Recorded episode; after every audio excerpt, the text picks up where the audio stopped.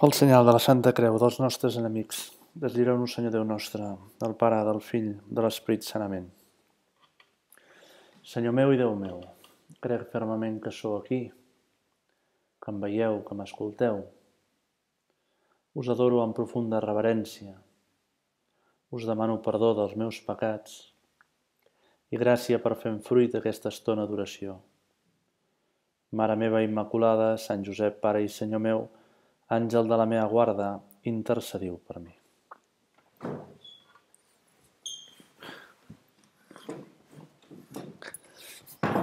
Bueno, aquests dies he estat donant voltes a una afirmació que feia un home.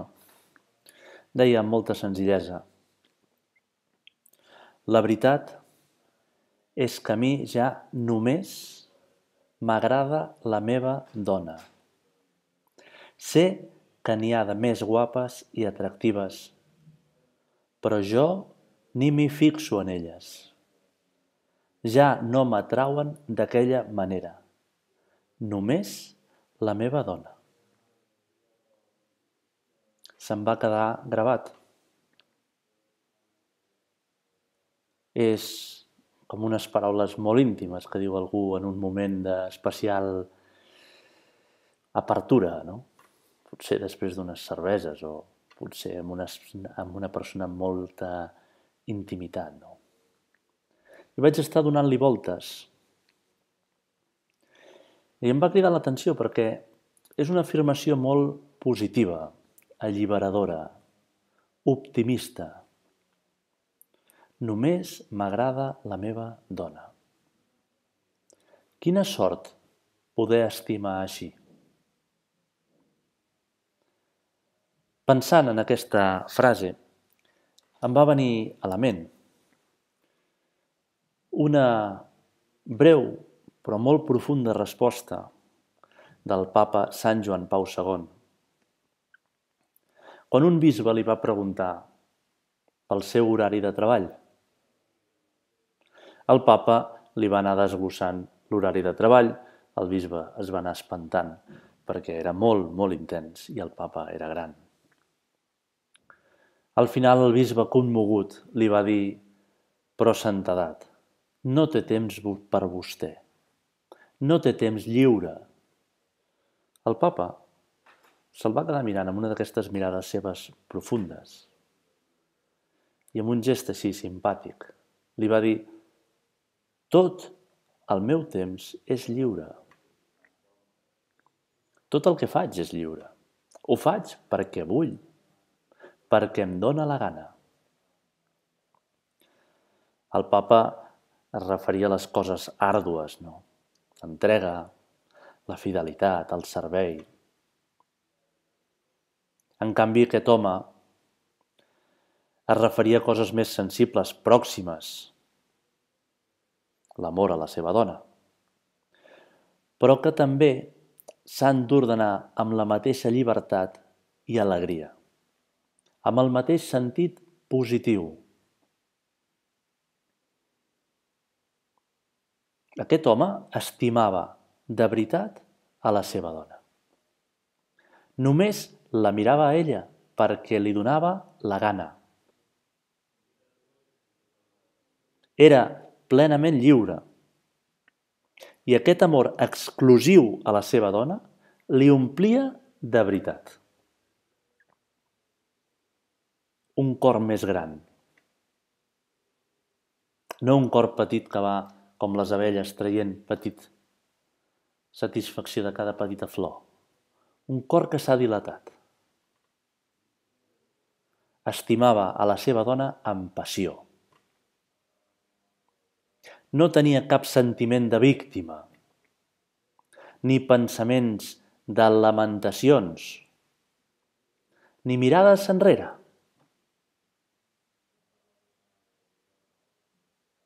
Vaig pensar que aquesta persona segur havia lluitat a poc a poc, centímetre a centímetre, per anar purificant i elevant una inclinació cap a omplir-se de mirades, de desitjos, de sensacions, de passions desordenades. Aquest desordre que deixa el pecat original. Segur que algun cop havia anat baixant pel carrer, lluny a la distància, havia vist en direcció contrària vàries noies que caminàvem cap a ell, curtes, de roba, atrevides. I havia lluitat per no mirar, per no fixar-s'hi, mirar el cel o els coloms, que així algú els mira. Havia lluitat per no deixar-se enganyar per excuses, que no és mala intenció, que no és fixar-m'hi si no saber com van vestides. Les miro per si les conec. També hauria tenir la temptació de excusa, no? de la crida de l'ús salvatge, no? o la temptació d'aquesta única, exclusiva ocasió, miro, però no, no em dóna la gana de mirar. No vull mirar. Perquè el meu cor atresora un amor més gran.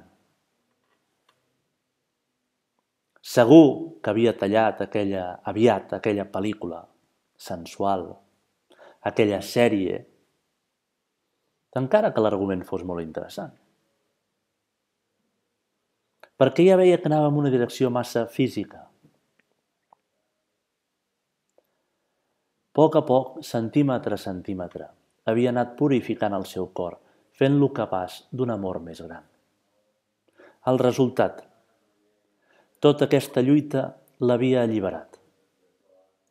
Li feia estimar amb passió a la seva dona. Tenia un cor que s'havia dilatat d'amor i no s'havia encongit.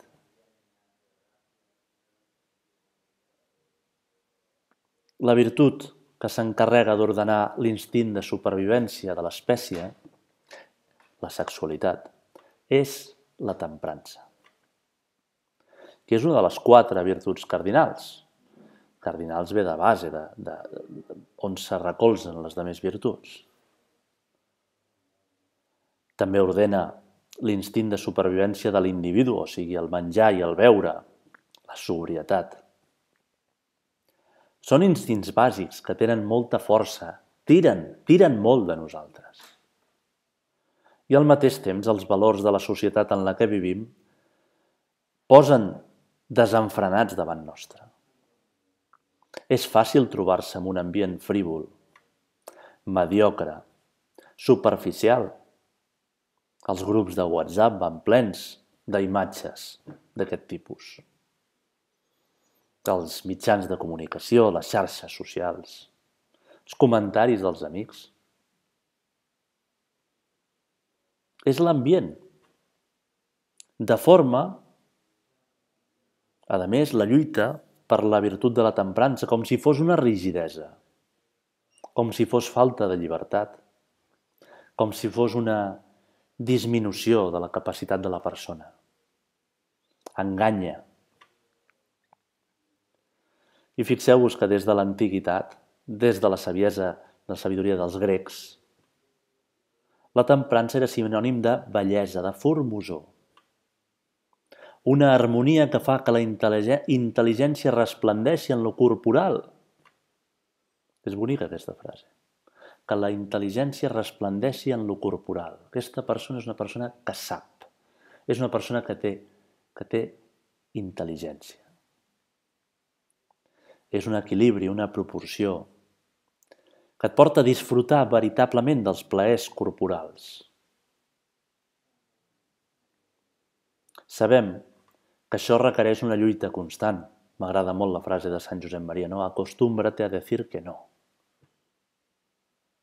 Requereix una lluita constant. Que no t'aixequis de la taula sense haver fet una petita mortificació. Una lluita constant va alliberant les passions perquè s'inclinin cap al veritable bé. Va educant les passions perquè des de dins, des de dins, siguin motor cap a el veritable amor. Des de dins siguin la força cap a la felicitat. És molt interessant ser un apassionat de les coses bones.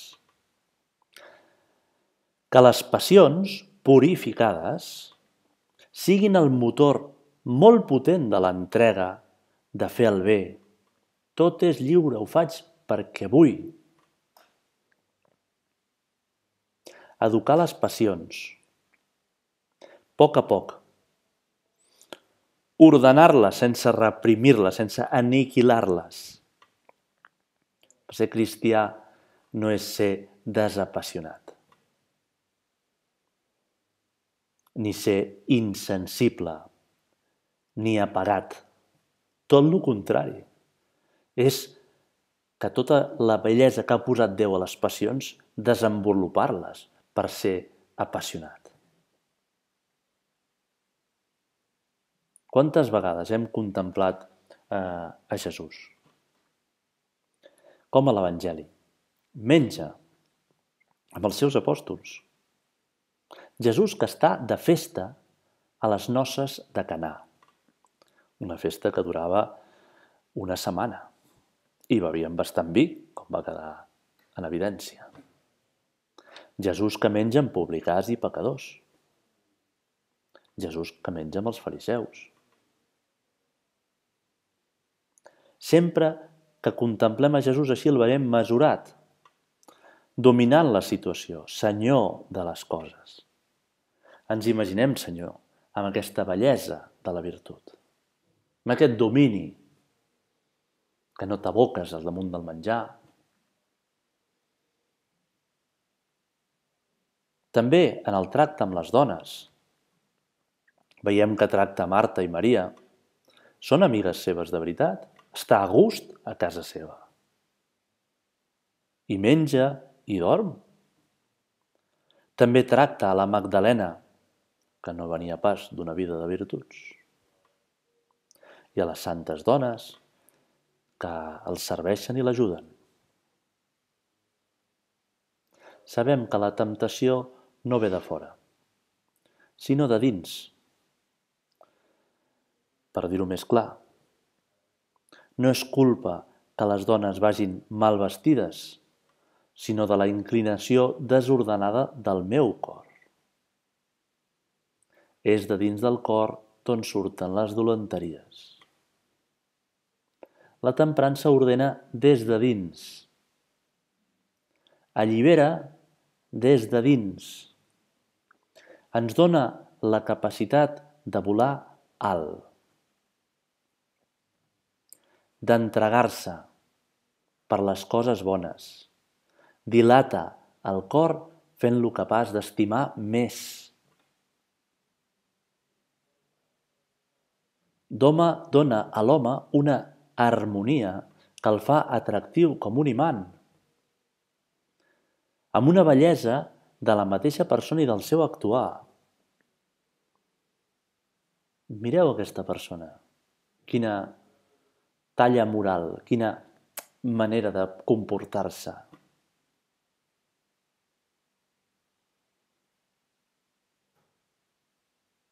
Molts cops s'ha contemplat la temprança com un autodomini.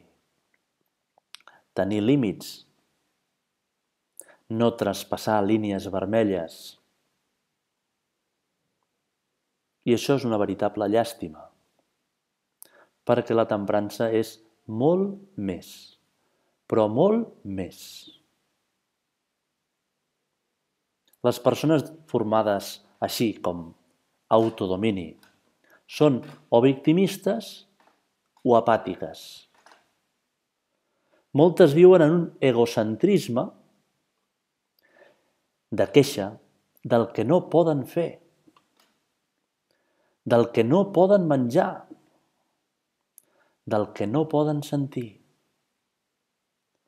S'entreguen, fan el que han de fer, però tenen el cor a un altre lloc, egocentristes. Són aquells que no entenen la paràbola de l'amo de la vinya. I ho recordem. Aquest amo de la vinya, que a primera hora del matí envia treballadors a la vinya, a la terça, a la sisena, a la novena, a la undècima hora, al final hi arriba a treballar un que, quan queda una hora perquè es posi el sol i només treballa durant una hora. I a l'hora de rebre el jornal, comença l'amo a pagar els de l'última hora. I els hi paga tot un denari. Era el denari era l'estipendi d'un dia, no? El sou d'un dia. I va passant als altres, pensant que rebrien més, els hi paga el mateix. Quina injustícia, pensen. Jo m'he deixat la pell tot el dia suant al sol, treballant. Per ells el treball era com un càstig, no un servei. No era una sort per ells estar a la vinya de l'amo.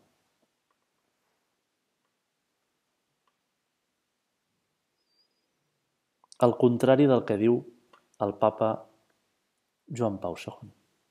Tot és lliure. Vindria a dir, vaig a la vinya el més d'hora al matí perquè per mi és un honor poder estar a la vinya.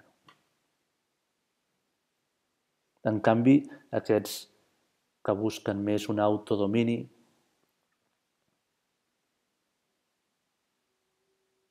no són capaços, pel seu egocentrisme, de percebre l'alegria de l'amo de la vinya, de poder donar tot un denari als que han treballat només una hora. No perceben l'alegria de l'amo. Estan tan tancats en si mateixos que fan les coses però com a autodomini, com una imposició desagradable personal. No puc menjar això, no puc veure allò, no puc mirar cap allà.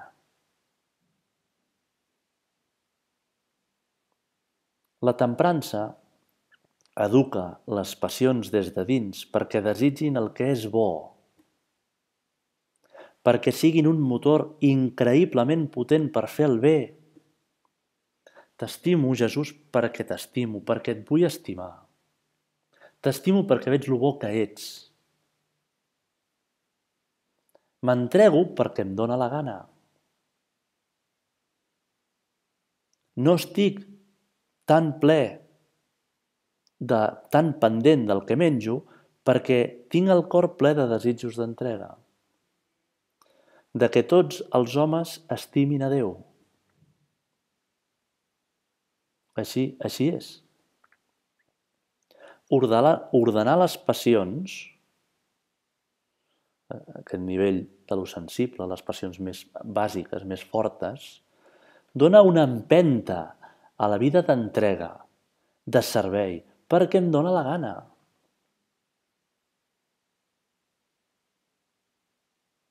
Fa uns dies vaig escoltar una conferència. En aquest confinament estan cada dia havent-hi més conferències molt interessants. Aquestes d'un mossèn d'una parròquia de Pozuelo de l'Arcona al costat de Madrid. Canà, la parròquia de Canà, famosa a tota Espanya per la quantitat de gent que hi té. Es diu Jesús, Don Jesús Higueras. Porta allà més de 20 anys, des de que la van construir, la va construir l'església. La van convidar a Pamplona a donar una sessió sobre noviatge. Va fer una sessió molt breu, menys, menys de, 20, de, de 25 minuts. Però va començar amb un focus molt potent però veritablement la imatge,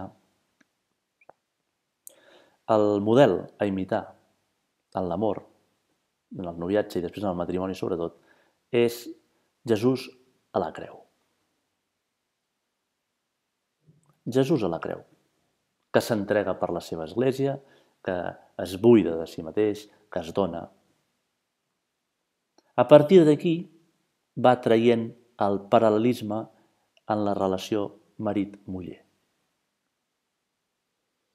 No és una invenció, es recolza amb unes paraules del papa Francesc, però més enllà és un raonament molt bíblic, surt a la carta als Efesis. Marits, estimeu a les vostres mullers com Crist va estimar l'Església, la creu. Contemplar Jesús a la creu és, doncs, el màxim, el més elevat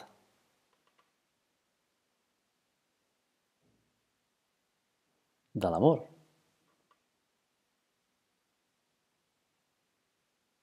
La perfecció del que ha de ser l'amor a l'esposa i a la humanitat. A Déu a través de l'esposa i de la humanitat. I em va agradar perquè la temprança és una virtut de màxims. No és una limitació, una llista de mortificacions. No és un no, encara que comenci per el costum a, a, a dir que no, no. És un motor cap a tenir un cor gran. Possibilita estimar realment a Déu amb tot el cor a través de la dona i dels altres. O en aquells que tenen el do del celibat apostòlic, a través de l'apostolat. A través de l'apostolat. Volcar-se en els altres. Això sí que és volar alt. Ja no és autodomini, no és repressió, és apassionament per estimar Déu. No empetiteix el cor, sinó que el dilata. No limita, sinó que dona ales per volar més amunt. Una vida apassionada. Recordo de petit veure les gallines que tenia la meva tieta a casa seva. Quan les deixava sortir de la gàbia, anaven com boges a picotejar el terra per buscar granets petits de sorra, per... requerien calç, necessitaven calç per, pels ous que anaven a posar. Tenien el, el cap molt baix. No eren capaços de mirar cap amunt, el cel, les muntanyes, el paisatge, la virtut de la temprança ens possibilita mirar cap amunt, no estar pendents de picotejar les petites coses que tenim davant. La virtut de la temprança, Jesús, ens fa fills de Déu, capaços de tenir un cor enamorat, que mira amunt. Em ve al cap aquella expressió que diu Jesús a la sortida de, del poble amb la samaritana. No? Quan s'ha anat de la conversa amb la samaritana i tornen els apòstols, devia ser com la tardor ara que estan els camps tan macos després d'aquestes pluges. Perdó, la tardor, però la primavera. Els camps farcits de, de, de, de fruit, no? I els hi diu als apòstols, és un to així d'un desig profund. No? Mireu els camps que ja estan preparats per la seda. Deixa de mirar els grans de sorra que tens davant. Mira el panorama maquíssim que té Déu per, per tu al davant. Mira tot el que Déu t'ha posat davant.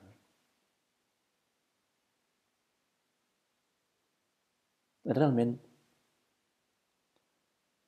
els ulls d'una persona que viu aquesta virtut de la temprança s'assemblen molt als ulls de Jesús. Per això acabem mirant a la Mare de Déu aquest mes de maig. I li demanem llums, ella que és esposa de Déu Esperit Sant, perquè sapiguem trobar el camí cap a aquest ordenar les passions des de dins, cap a aquest purificar el nostre cor, per saber estimar només a la meva dona, només aquella cosa, per tenir un cor gran que sàpiga volar amunt. Mirem a la Mare de Déu. i veiem la il·lusió que té ella en ajudar-nos en aquest camí. A través de petites mortificacions, a través de, de sinceritat amb un mateix per no enganyar-nos en la frivolitat en la que estem. Sinceritat. Mare meva, ajuda'm a veure en aquest recés mensual aquells petits detalls que haig de lluitar per desprendre'm, per purificar, per rectificar, per poder volar alt, a les alçades del fill de Déu.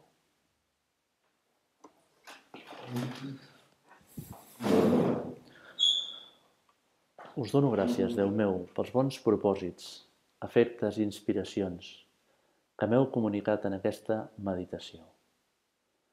Us demano ajuda per posar-los per obra. Mare meva Immaculada, Sant Josep, Pare i Senyor meu, àngel de la meva guarda, intercediu per mi.